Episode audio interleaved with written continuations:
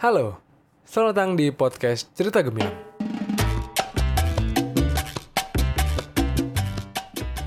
Ini adalah podcast episode kelima yang gue rekam di tanggal 27 April 2019, hari Sabtu jam 2 siang, tepatnya di Jakarta. Apa kabar kalian semuanya? Semoga kalian baik-baik aja ya.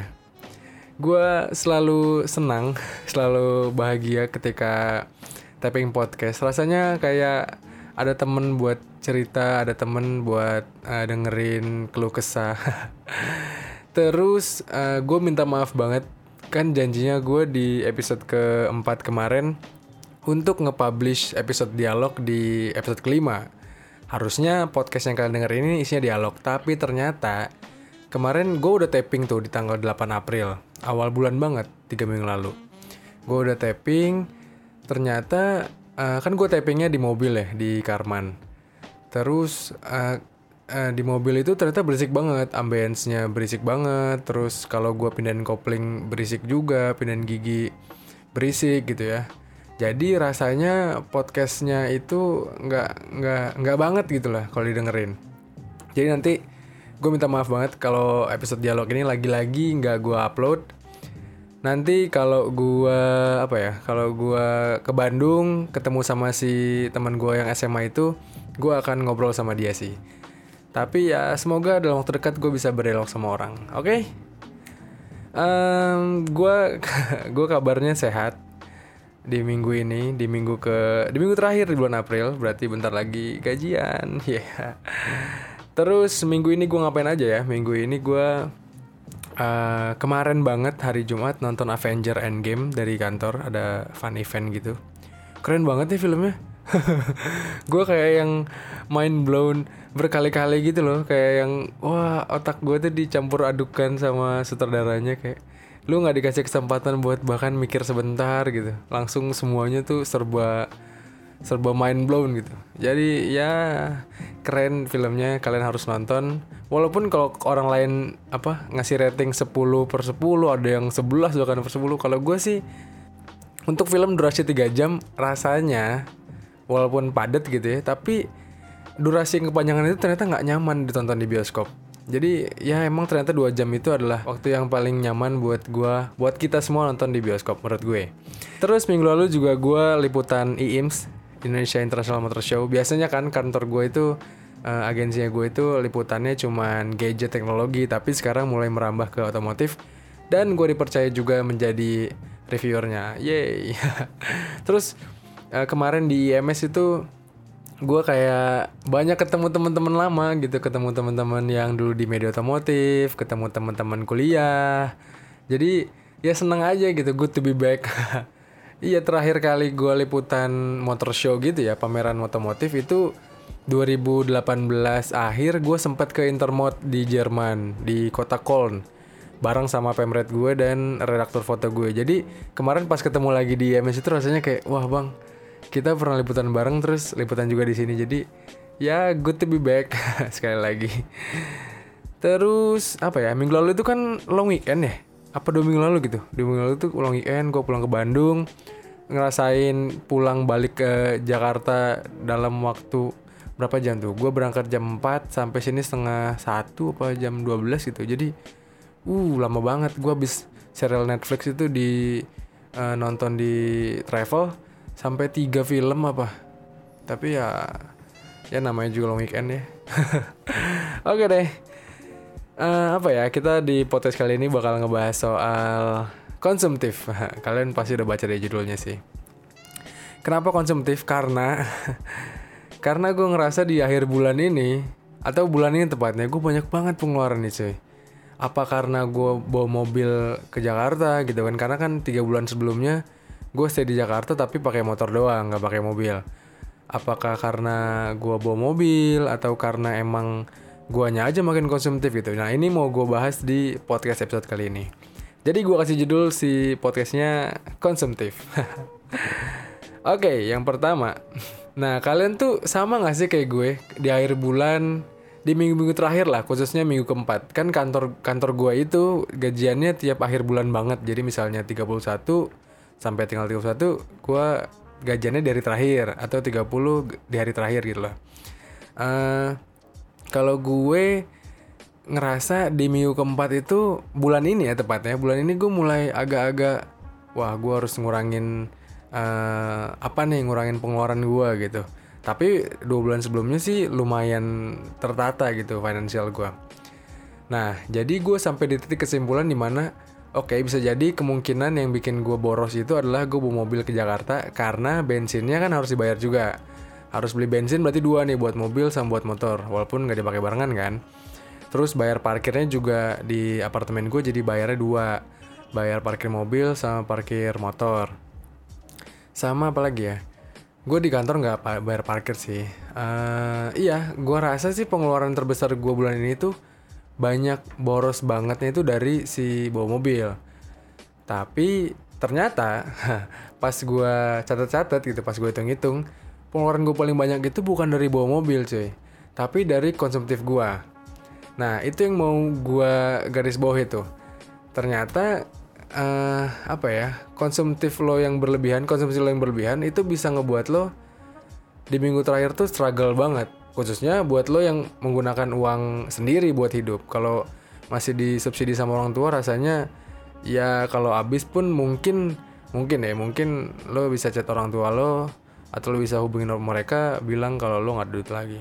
Ya gue sempat ngerasain momen-momen itu di kuliah. Tapi sekarang di momen uh, gue udah kerja gini rasanya kayak ngechat orang tua buat minta uang lagi tuh malu banget gitu.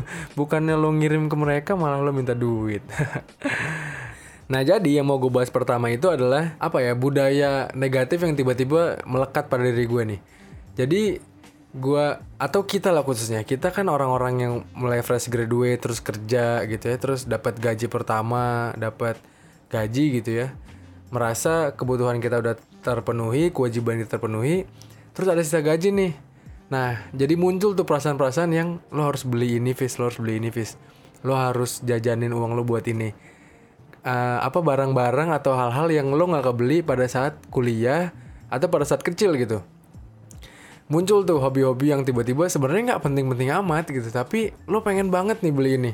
Ya ketika gaji lo cukup terus uang lo uh, kelebihan gitu ya dibandingkan menabung lo kadang-kadang atau kita gitu kita kita kadang-kadang suka merasa aduh gue pengen banget nih beli ini karena gue nggak pernah beli ini waktu kecil atau gue belum sempet beli ini nih waktu kemarin kuliah pakai duit orang tua gitu ya. Sekarang gue punya duit gue beli ah. Padahal itu tuh banyak banget gitu. Itu tuh banyak banget yang nggak pentingnya gitu. Sementara lo harus nabung juga buat masa depan lo buat lo mungkin nanti mau nikah mau berkeluarga gitu kan.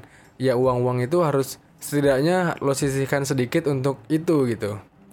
Nah uh, emang hal-hal kayak gitu menurut gue apa ya pemikiran kayak gitu tuh pemikiran yang lo punya gaji sendiri sekarang lo bisa beli apa pun yang lo inginkan itu tuh wajar menurut gue. Wajar banget Nah, hal-hal itu kenapa gue bilang wajar? Karena emang rasanya untuk orang-orang seusia apa ya 20 sampai 25-an lah yang masih masih baru banget fresh graduate terus kerja dapat gaji pertama, masih belum banyak tanggungan, ya wajar banget hal kayak gitu. Apalagi masih muda kan, happy-happy lah. Tapi ya gimana cara lo menyikapinya itu yang ngebuat nanti bisa dianggap wajar atau nggak wajar. Nah, kalau gue mengakali itu yang pertama gue itu orangnya seneng banget nyatet ya. Gue gue seneng banget nulis gitu ya. Kadang-kadang suka ngebuat monthly plan gue suka buat uh, apa ya daily plan. Kayak tahun lalu itu karena jadwal gue di akhir tahun lumayan padat sana sini gitu ya. Gue lumayan ada kerjaan gue lumayan ada liputan keluar kota. Jadi gue sampai ngebuat tuh monthly plan yang sampai tiga bulan gitu ya Nah, gue juga ngebuat financial plan dan ngebuat financial report gue sendiri gitu. Walaupun gue bukan orang akuntansi. Gue ngebuatnya sederhana banget. Jadi gue nulisnya itu di notes HP gue, di notepad. Karena kan HP dibawa ke mana-mana lah ya, gampang banget buat nyatet. Nah, jadi isi notepadnya itu, isi catatannya itu, atau gue nyebutnya sih catatan finansial gitulah. Itu tuh pokoknya gampang banget, sederhana banget. Jadi gue cuma nulisin uh, uang yang tersisa gue ada berapa? Uang cash ya uang cash gue berapa? Terus uang di ATM berapa? Uang uh, di uang tabungan berapa gitu. Jadi tiap pengeluaran gue itu gue catat. Jadi kelihatan tuh misalnya di hari apa sih di bulan ini atau di minggu ini di hari apa sih yang gue boros banget. Dan keta dan gue jujur banget di situ nulisin apa aja yang gue beli. Misalnya kayak makan siang tuh makan apa gitu. Uh, misalnya gue makan siang di warteg gitu ya gue habis 25 ribu terus besoknya gue bisa makan siang eh gue uh, beli apa gitu beli jam tangan atau misalnya beli beli perlengkapan apa di Tokopedia gue catet tuh namanya apa bayarnya berapa. Jadi lo ketahuan di minggu ini tuh pengeluaran paling besar tuh apa dan itu bisa di-cut nggak buat bulan depan gitu. Uh, yang kayak kayak gitu sih ngebuat gue akhirnya sadar banget akan finansial gue khususnya uang untuk persiapan tabungan gue gitu persiapan tabungan hari tua gue. Jadi semua yang kecatat itu kan kelihatan ya kelihatan apa namanya kelihatan borosnya di mana kelihatan harus dikat di mana bulan depan kelihatan apa sih yang buat gue boros banget gitu ya. Itu yang akhirnya bisa bisa buat gue berkesimpulan bahwa sebenarnya bawa mobil ke Jakarta itu nggak terlalu boros tapi jajan gue yang banyak banget. Misalnya gue kayak kemarin itu gue habis beli barang-barang buat kamera karena gue kehilangan memori nah itu yang buat gue bulan ini tuh boros banget ternyata. Jadi kan kalau kalau kalau gue gitu ya kalau gue nggak nyatet rasanya gue akan gue akan lupa gitu gue akan lupa aduh gue apa sih yang boros banget bulan lalu? Dan gue jadi jadi akhirnya menyalahkan menyalahkan yang lain gitu. Kayak oh gue mungkin makannya terlalu mahal gue mungkin karena bawa mobil gitu. Tapi sebenarnya nggak realistis itu sebenarnya nggak bukan hal yang terjadi. Jadi akhirnya karena gue nyatet kayak gini gue jadi kebayang gitu. Gue gagal apa ya gagal irit di bulan itu karena apa gitu. Nah, terus balik ke konsumtif nih. Jadi, ya kan tadi tips dari gue atau solusi dari gue buat gue pribadi adalah gue mencatat.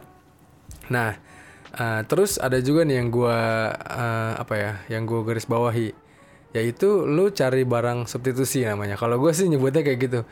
Jadi misalnya kemarin tuh gue BM banget ya, gue BM banget pengen beli sepatu lari baru karena sepatu lama gue udah jelek banget kan. Uh, eh, gue beli sepatu baru yang harganya itu nggak nggak dibilang apa, yang harganya terbilang cukup murah lah untuk sekelas sepatu lari.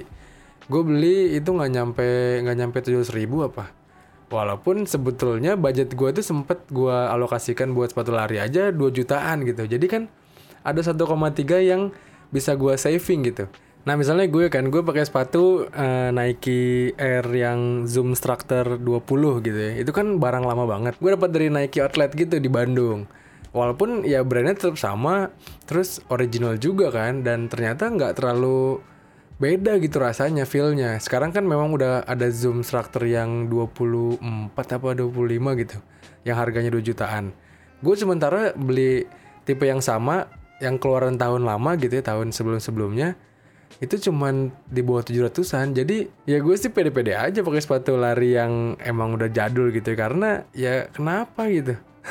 Karena emang fungsinya sama kan. Jadi ya misalnya kalian punya budget buat beli sepatu harganya 2 juta terus coba deh kalian cari yang substitusinya. Ya setelah tadi kalian mencatat setelah tadi kalian apa namanya uh, mempertimbangkan barang yang mau kalian beli ya lagi-lagi kalian pertimbangkan barang itu kalian beli sesuai dengan kebutuhan atau enggak gitu. Jadi kalian bisa berhenti konsumtif itu kalau menurut gue kalian bisa udah mulai bisa berpikir dengan uh, benar dengan jelas gitu ya barang yang kalian butuhkan itu.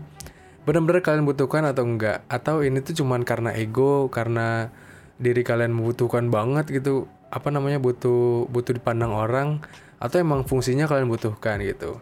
Kalau kalian udah bisa membandingkan gitu ya gue rasa sifat konsumtif dari kalian itu akan ke arah yang benar gitu konsumtifnya. Jadi cuman ya mengkonsumsi barang-barang yang atau mengkonsumsi uang kalian buat hal-hal yang penting aja gitu.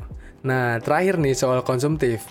Gue itu uh, jadi di catatan yang gue tadi gue ceritain gitu ya, ada satu uh, kolom satu kolom tabungan yang gue siapkan itu emang bener saklek nggak boleh gue pakai atau ya boleh gue pakai kalau kepepet sama itu harus dijalankan gitu. Karena ya untuk orang seumuran kita kita itu memang merasa sekarang oh nggak nggak usah lah nabung-nabung gitu nggak banyak kepentingan nggak banyak kebutuhan nanti.